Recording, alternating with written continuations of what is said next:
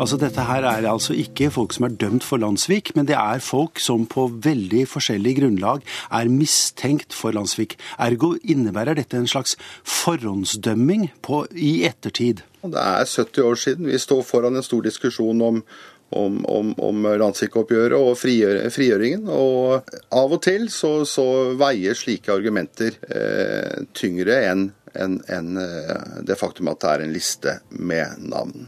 Eh, altså Den setter jo egentlig ikke eh, noen ting i noe særlig sammenheng. Det eneste som gjør det, er jo, er jo forleggerens eh, for så vidt utmerkede forord. Eh, det er jo sjelden å, sjelden å lese en bok med et eh, forord der forleggeren argumenterer mot utgivelsen av, av, av sin egen bok. Kurer.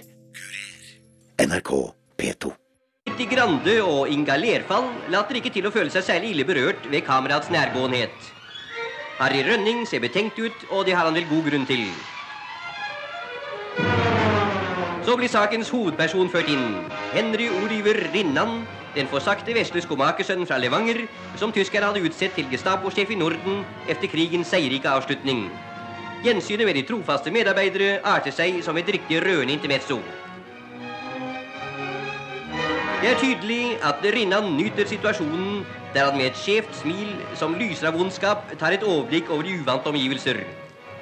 Et lite utdrag fra Ukerevyen som ble vist på landets kinoer fra starten av rettssaken mot Rinnan-banden.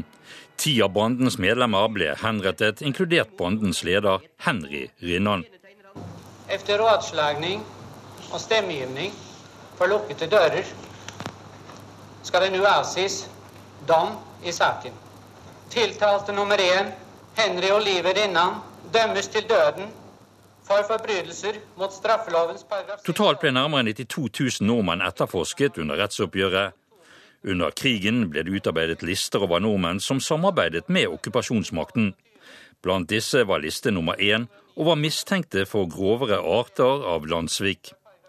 Den inneholdt over 16 000 navn på alt fra angivere og torturister til medlemmer av NS og kvinner som hadde hatt forhold med tyske soldater. Den ble i mai 1945 distribuert til landets politidistrikter.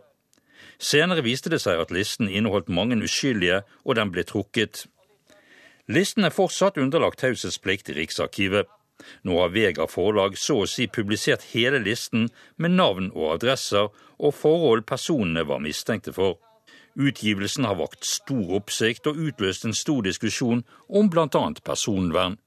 For forlagssjef Finn Jørgen Solberg i Vega forlag var hensynet til personvern underordnet den historiske verdien denne listen påstås å ha.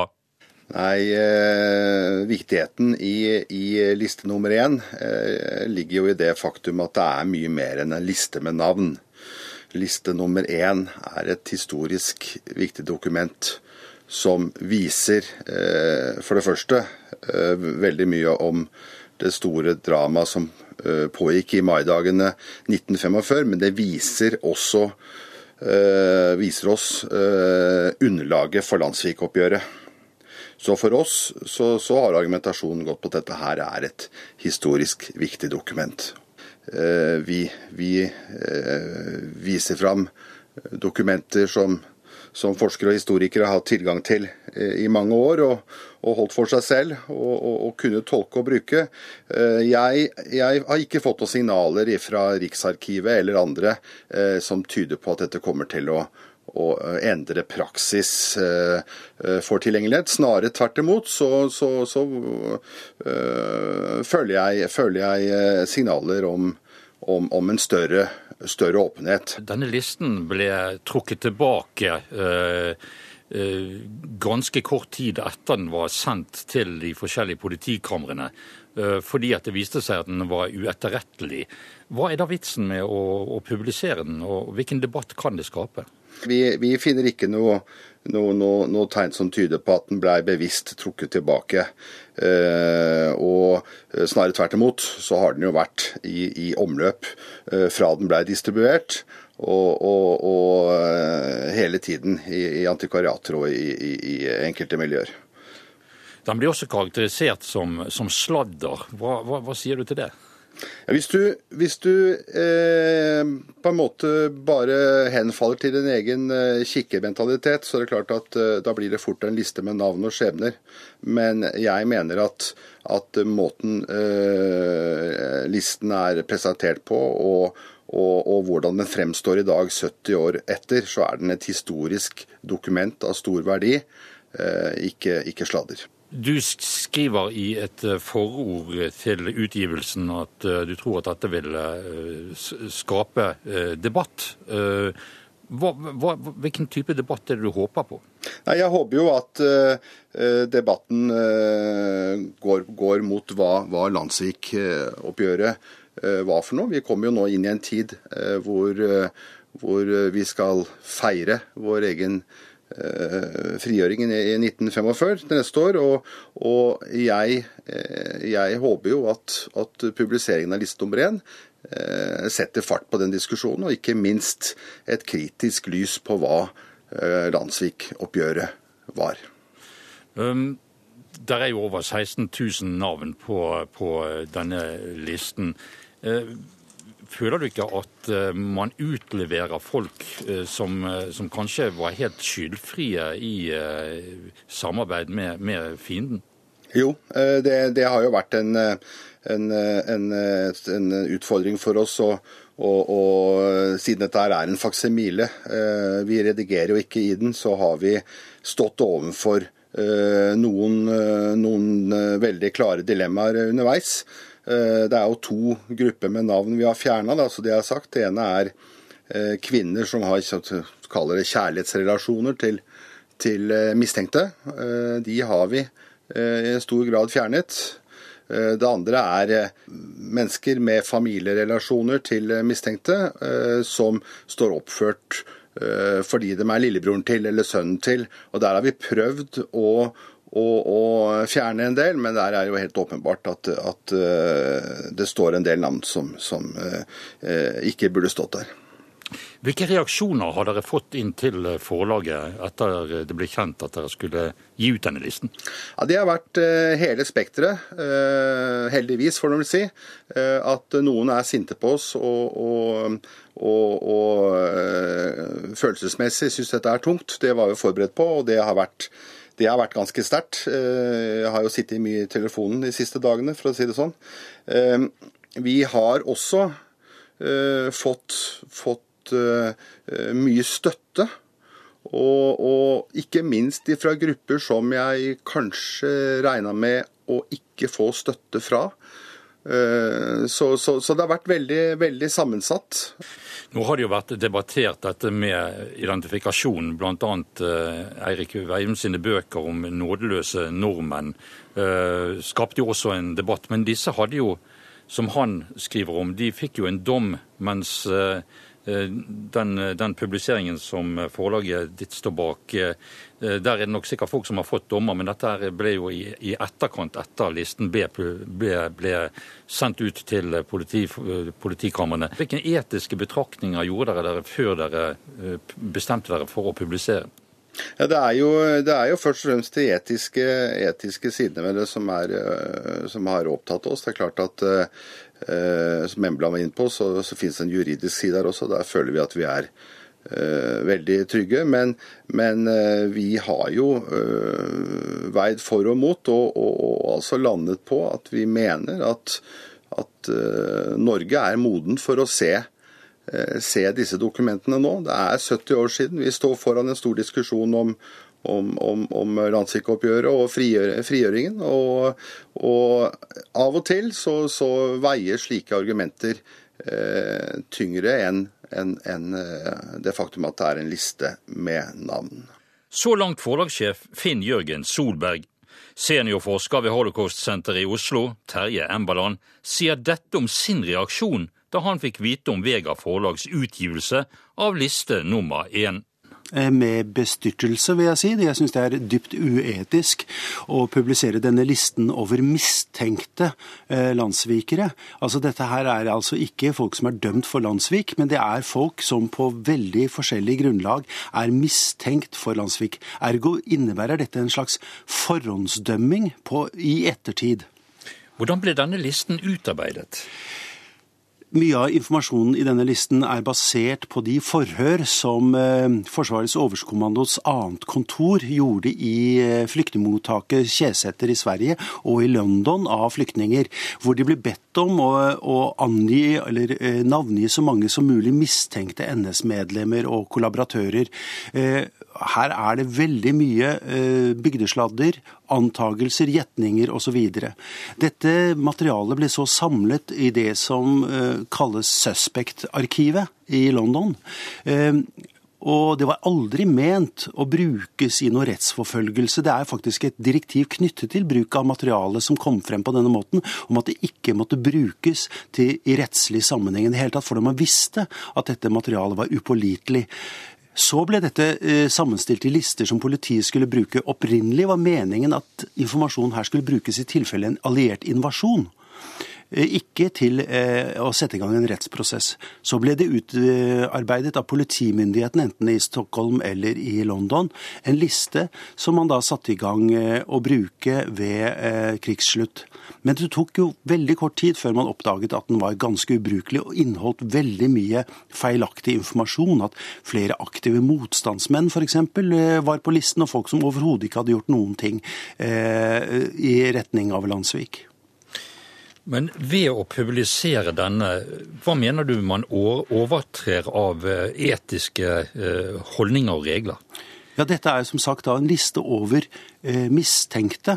Eh, følgelig så blir en publisering av denne listen eh, en slags forhåndsdømming forut for eh, en eventuelt landssvikprosess som ble rettet mot noen av dem, mens andre overhodet ikke ble satt under tiltale.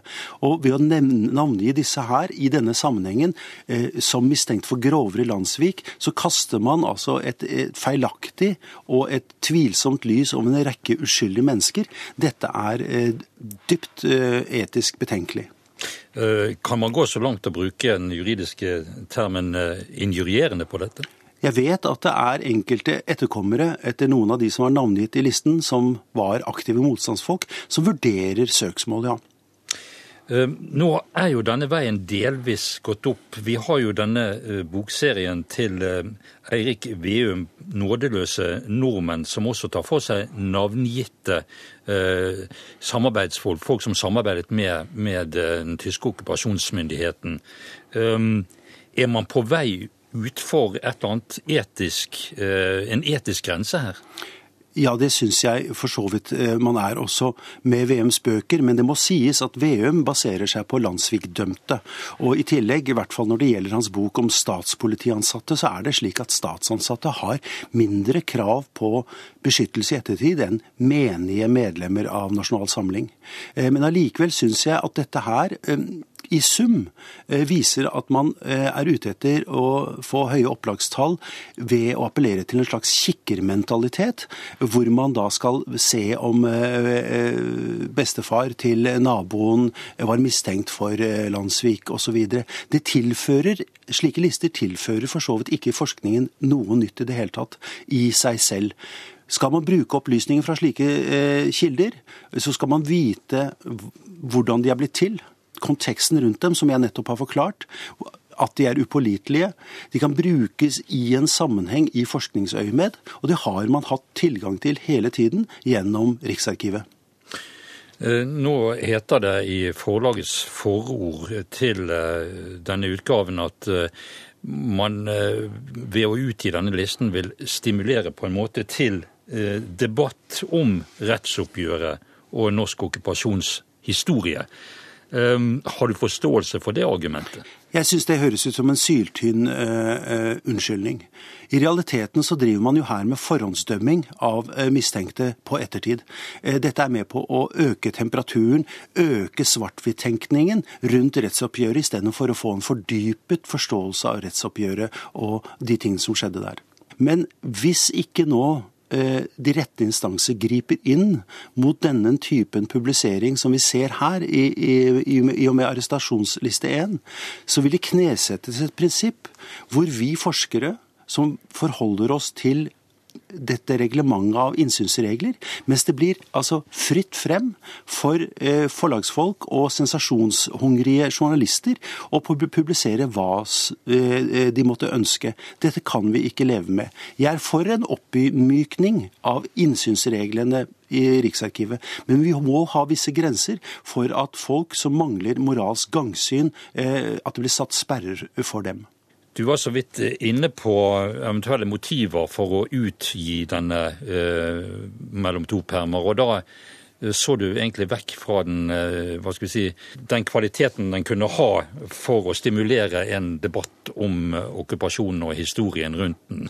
Er det penger som driver forleggere til å, å utgi den type stoff?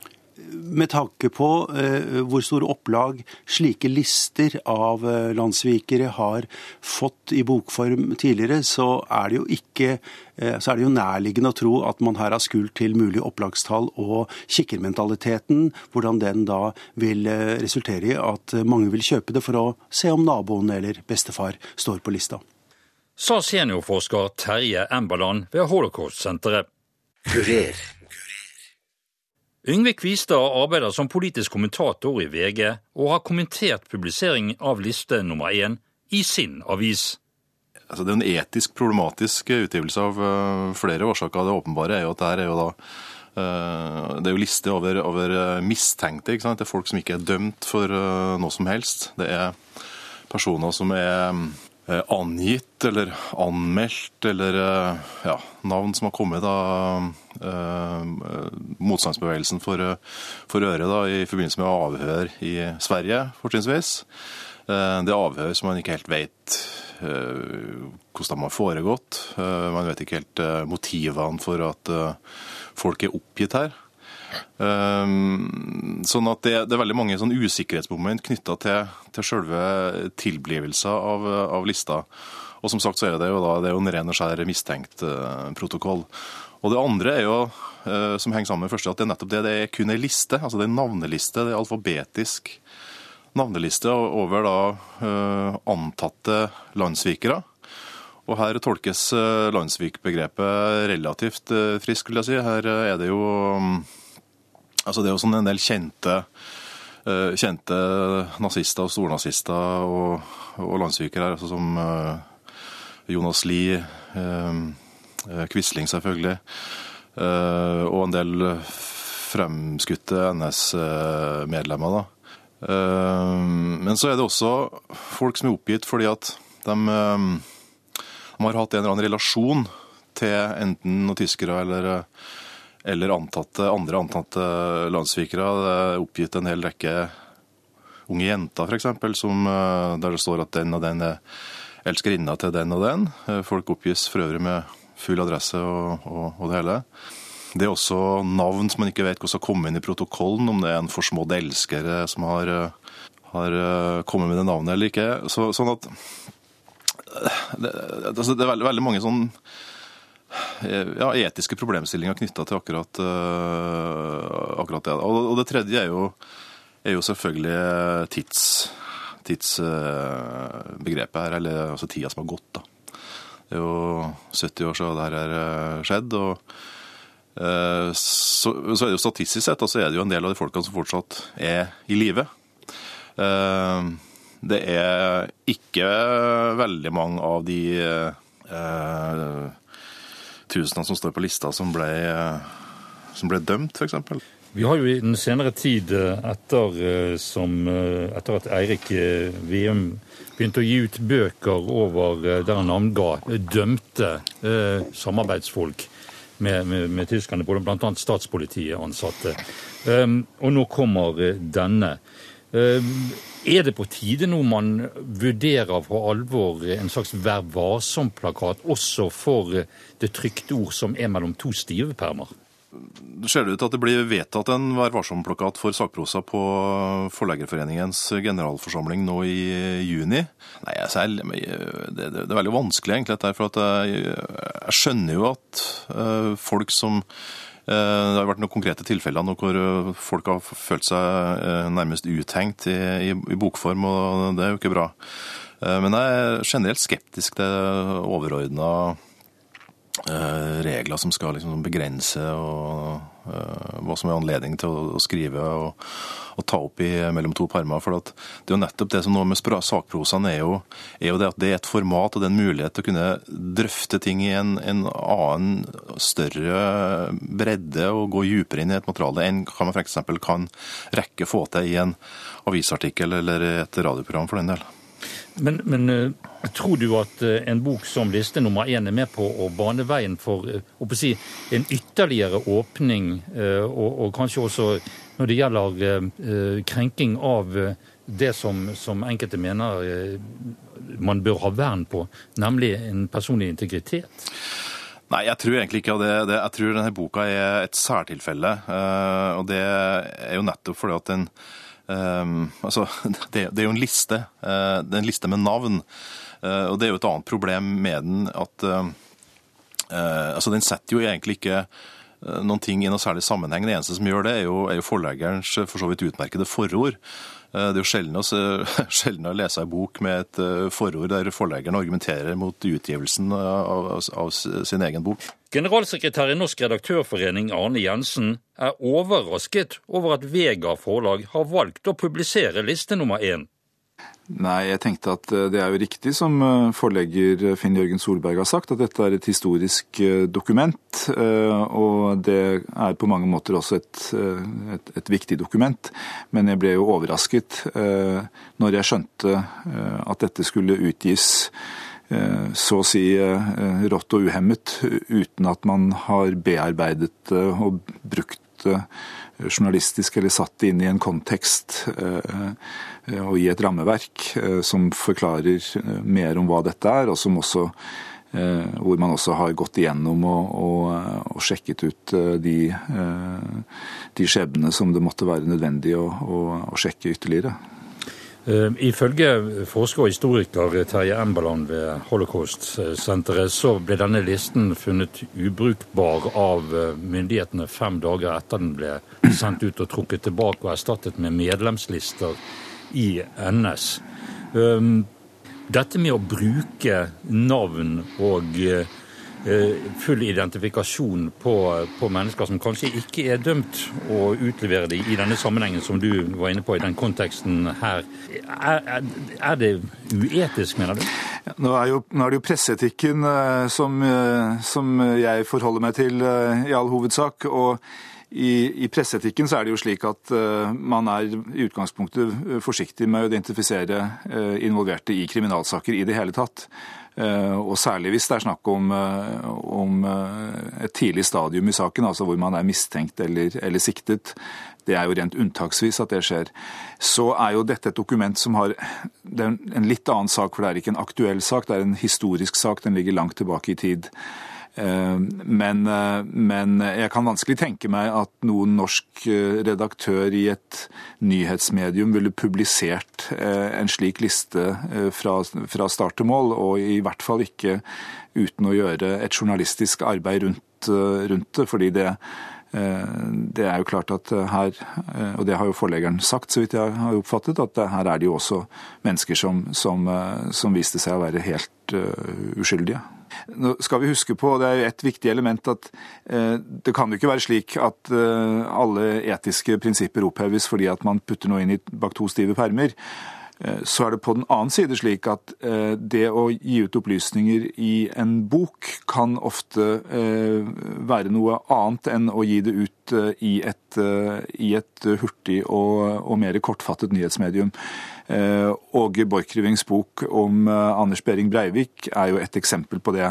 Eh, og det fins flere andre også, hvor man, hvis man tok ut løsrevne deler av et bokmanus og publiserte det i en nyhetsartikkel og i en nyhetsrammeverk, så ville det muligens blir rammet av Vær varsom-plakaten, som mediene skal følge.